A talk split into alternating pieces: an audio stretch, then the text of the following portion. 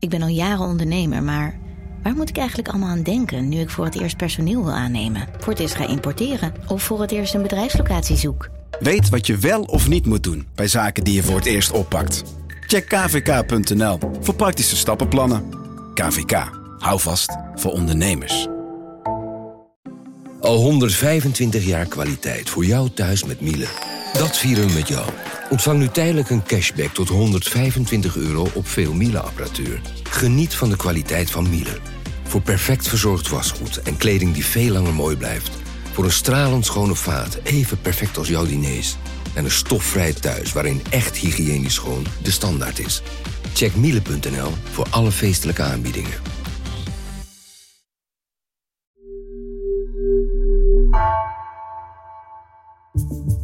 Vanaf de redactie van NRC het verhaal van vandaag. Mijn naam is Geertje Tunter.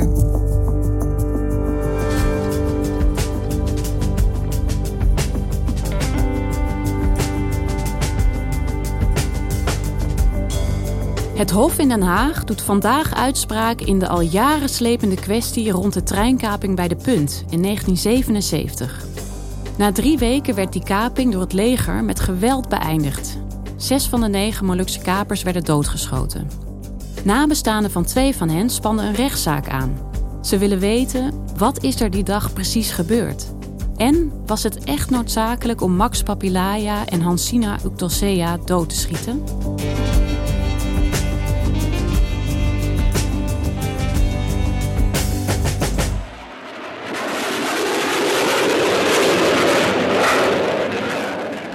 Ja, dit is het geluid van 40 jaar geleden. Straaljagers die laag overvlogen boven een uh, gekaapte trein. Die stilstond uh, in een weiland in Drenthe bij een dorpje dat de Punt heette. Het was op 11 juni uh, 1977. Ik zat dus voor de televisie. Hè. Ik was 17 jaar. Ik zat in de vijfde klas van de middelbare school. En op het journaal konden we dit allemaal zien. Godsamme. Was een trein gekaapt door negen Molukse jongeren. En drie weken lang werd er onderhandeld met die kapers, eh, wat tot niks leidde.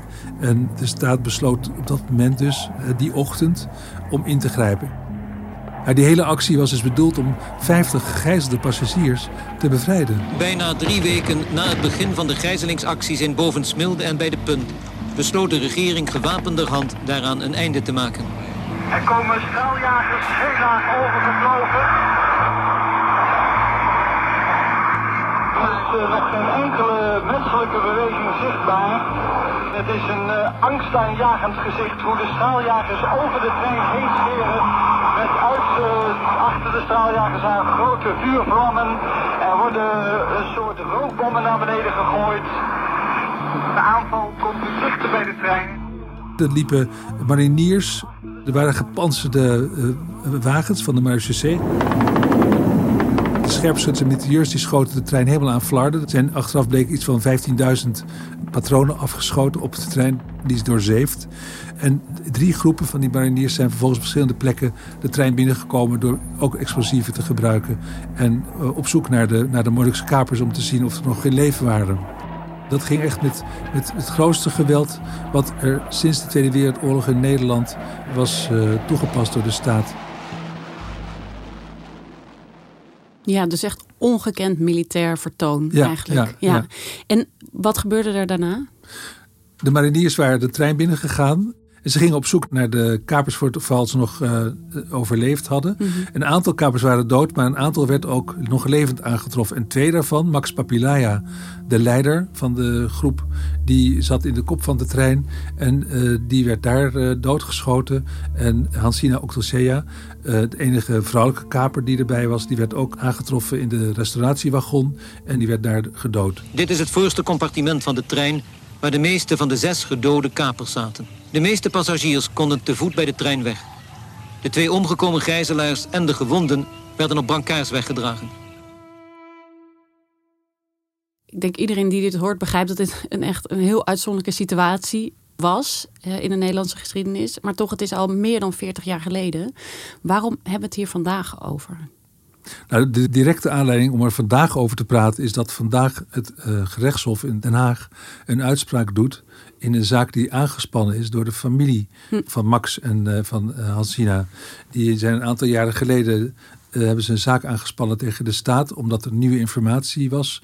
Waaruit zou blijken dat die militairen eigenlijk zonder noodzaak, zoals dat juridisch heet, geschoten heeft op zwaargewonde kapers. En uh, zij vinden dus dat de staat uh, een buitengerechtelijke executie heeft toegepast. De rechtbank heeft al een paar jaar geleden de familie het ongelijk gesteld. Althans, die vonden dat de familie onvoldoende heeft kunnen bewijzen dat er zonder noodzaak geschoten is door een militair. En vandaag horen we of het Hof er anders over denkt of niet. Dus vandaag, meer dan 40 jaar later, doet dus de rechter in hoger beroep uitspraak in die zaak. En het draait dus allemaal om de vraag: was het noodzakelijk uh, voor de staat om Max en Hansina dood te schieten. Juist.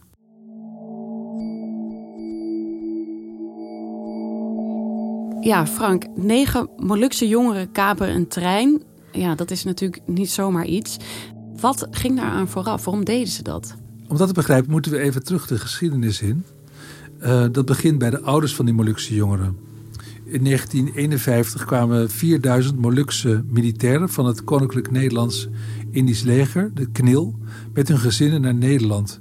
Want in Indonesië was de soevereiniteit overgedragen door de Nederlanders aan de Indonesiërs. Mm Indonesië was onafhankelijk geworden. Ja, precies. En uh, op dat moment riepen op de Zuid-Molukken Chris Mukil, de president, de Republiek Maluku Selatan, RMS, de Republiek van de Vrije Zuid-Molukken uit. Nou, die werd snel in de pan gehakt door de Indonesiërs. Met als gevolg dat die 4000 militairen die in Java zaten, van de KNIL, die Molukse militairen, die konden niet naar de Molukken. En ze konden ook niet blijven. Ze werden gewantrouwd. Ze waren loyaal aan Nederland. En dat was het grote probleem. Dus ze moesten weg daar. En daarom gingen ze naar Nederland. Na de Cotta Inten, die ongeveer duizend Ambonezen naar Nederland bracht, arriveert de Atlantis in Rotterdam met een tweede contingent van 925 Ambonese passagiers, voornamelijk ex-knilmilitairen met hun vrouwen en kinderen. En Nederland besloot om ze tijdelijk naar Nederland over te brengen. Dat werd ook tegen ze gezegd. Uh, drie weken naar Nederland en dan uh, kun je weer terug. Ze moesten even weg daar, even was het idee. Even ja. weg. Maar even bleek voor altijd. En toen ze in Nederland aankwamen, werden ze ontslagen uit dienst. Ze kwamen terecht in zeer slechte omstandigheden. In brakkampen. Soms waren dat oude concentratiekampen die de Duitsers nog hadden gebruikt om ja. Joden op te sluiten. En ze voelden zich totaal verraden en de verbittering die sloeg toe. En aanvankelijk mochten ze niet eens werken in Nederland. En aanvankelijk werden ze gevoerd door de staat. Ze werden in armoede gedompeld, ze waren onteerd, ze werden verbitterd. Nou, dat was ongeveer de situatie uh, waar ze in terecht waren gekomen. Ja, dus je hebt een groep mensen die aan de Nederlandse zijde gevochten heeft in Indonesië. Tijdelijk uh, naar Nederland kwamen, tenminste dat was het idee. En vervolgens jarenlang onder erbarmelijke eigenlijk omstandigheden hier ja, gewoond slecht hebben. ontvangen. Ja. ja. Ja. en hoe ging het verder met deze groep mensen? Nou, uiteindelijk kwamen de woonwijken, werden voor hen gebouwd. Dus de tweede generatie, de kinderen van de militairen die hier naartoe zijn gekomen, die groeien in Nederland op in een soort gespleten toestand. Want aan de ene kant horen ze thuis, wij horen hier niet. Ons land is in de Molukken. En aan de andere kant zitten ze gewoon wel hier. En zitten ze ook nog vaak in vrij benarde omstandigheden. In de Vught wonen ze nog steeds in het kamp. En over die jongeren, dus die tweede generatie, daarover hebben we het vandaag. Ja, precies. Dus dat zijn uh, de mensen die de treinkaping organiseren. Ja. En Frank, wat is dan het pad van deze jongeren, uh, die dus in die woonwijken opgroeien grotendeels, naar die treinkaping in 1977? Wat gaat daar uh, aan vooraf? We zijn het nou niet meer zo gewend, maar in die tijd was er overal in Europa waren jongeren die geweld gebruikten om hun politieke idealen te verwezenlijken.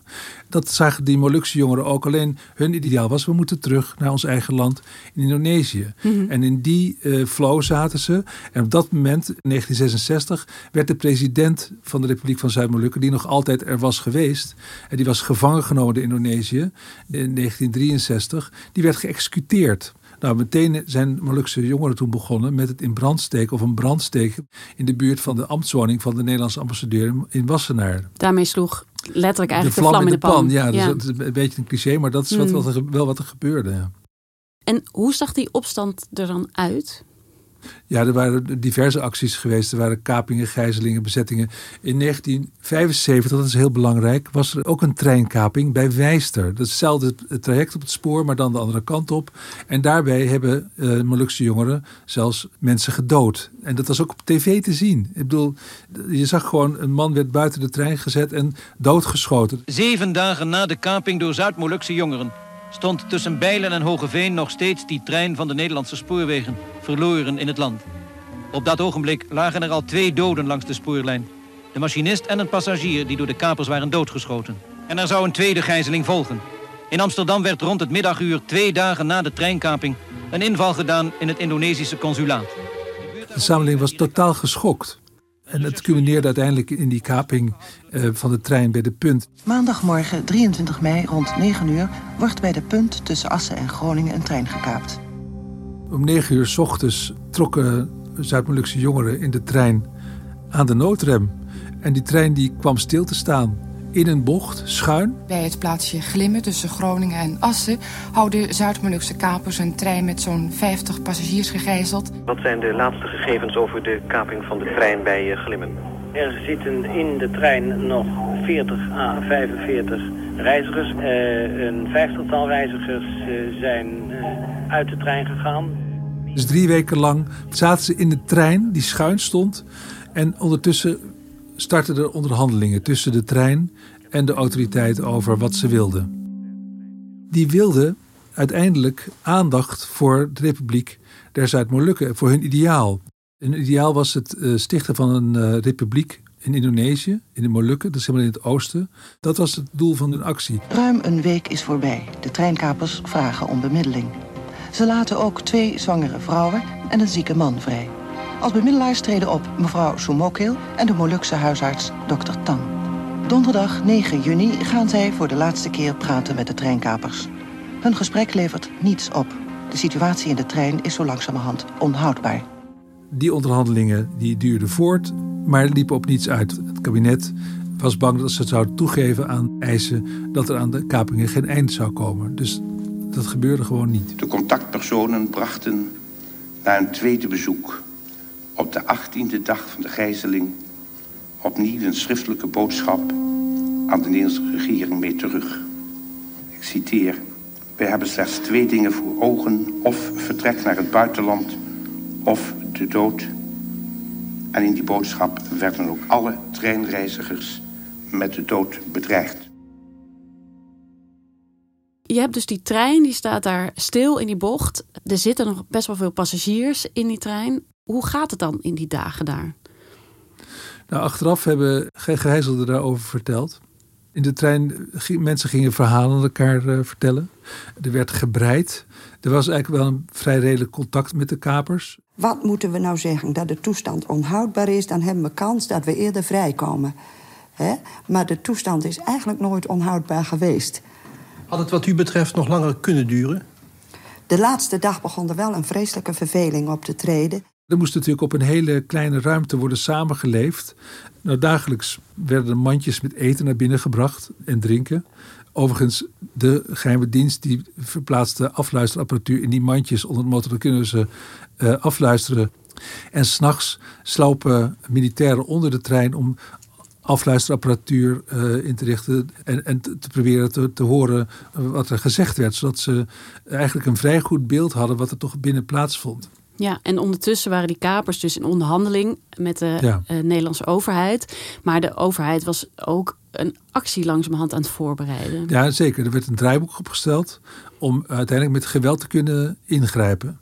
En op 11 juni, dan is het zover. Dan besluit het kabinet op verzoek van, uh, van Acht om uh, groen licht te geven voor de operatie. En die begint al midden in de nacht. Brak de hel los.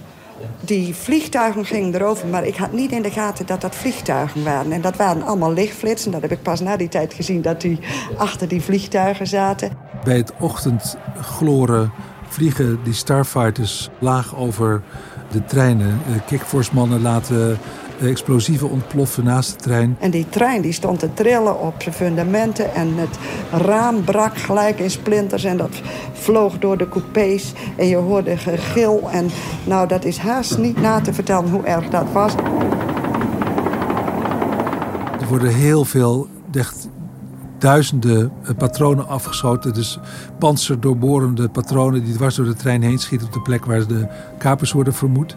Uh, er zijn foto's die ik gezien heb van uh, Max Papillai. Die ligt op zijn rug tussen twee bankjes met zijn been op een bankje onder een deken.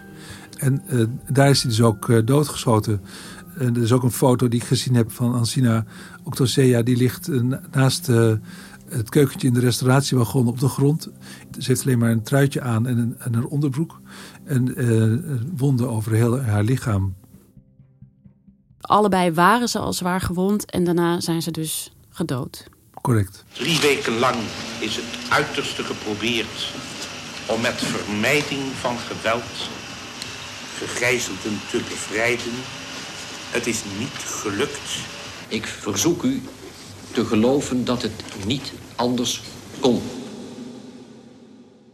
We zeiden het eerder al even, hè, want het was natuurlijk ongekend in Nederland, deze uh, militaire actie.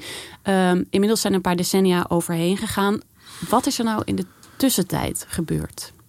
De hele zaak is met heel veel geheimhouding omgeven. Eigenlijk wisten we tot een aantal jaren geleden niet wat er eigenlijk gebeurd was vanaf het moment dat de mariniers de trein binnengingen. En dus onderzoek gedaan uh, door journalisten. Die hebben autopsiegegevens weten op te diepen.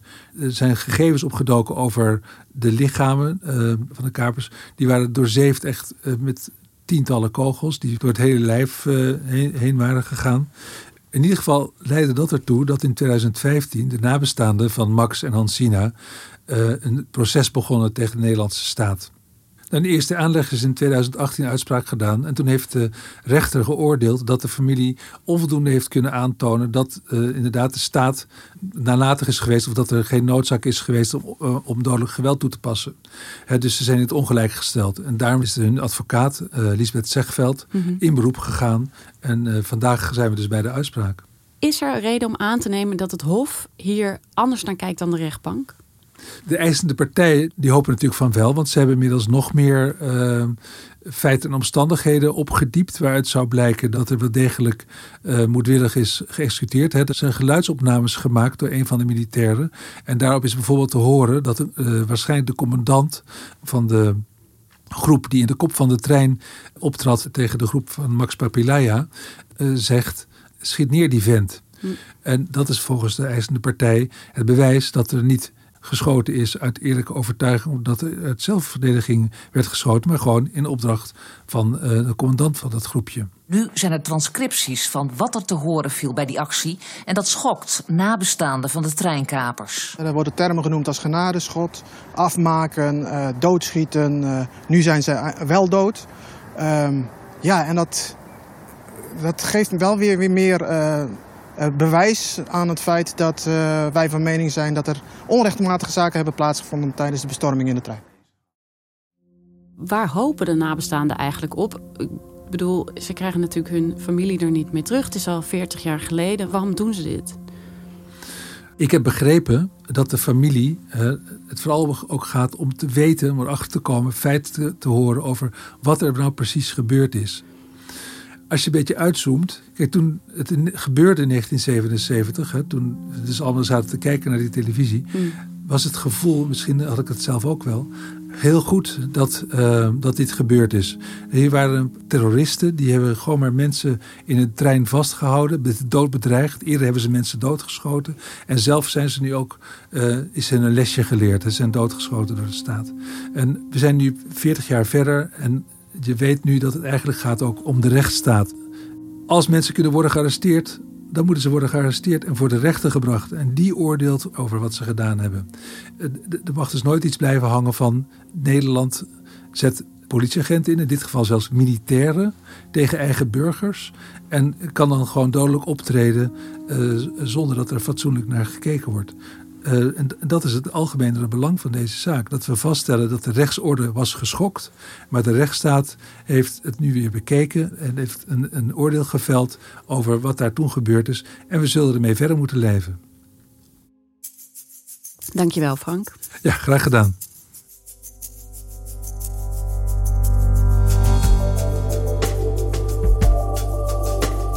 Je luisterde naar Vandaag, een podcast van NRC.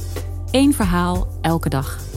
Deze aflevering werd gemaakt door Nina van Hattem, Felicia Alberding, Allegria Ioannidis en Misha van Waterschoot. Dit was vandaag, morgen weer.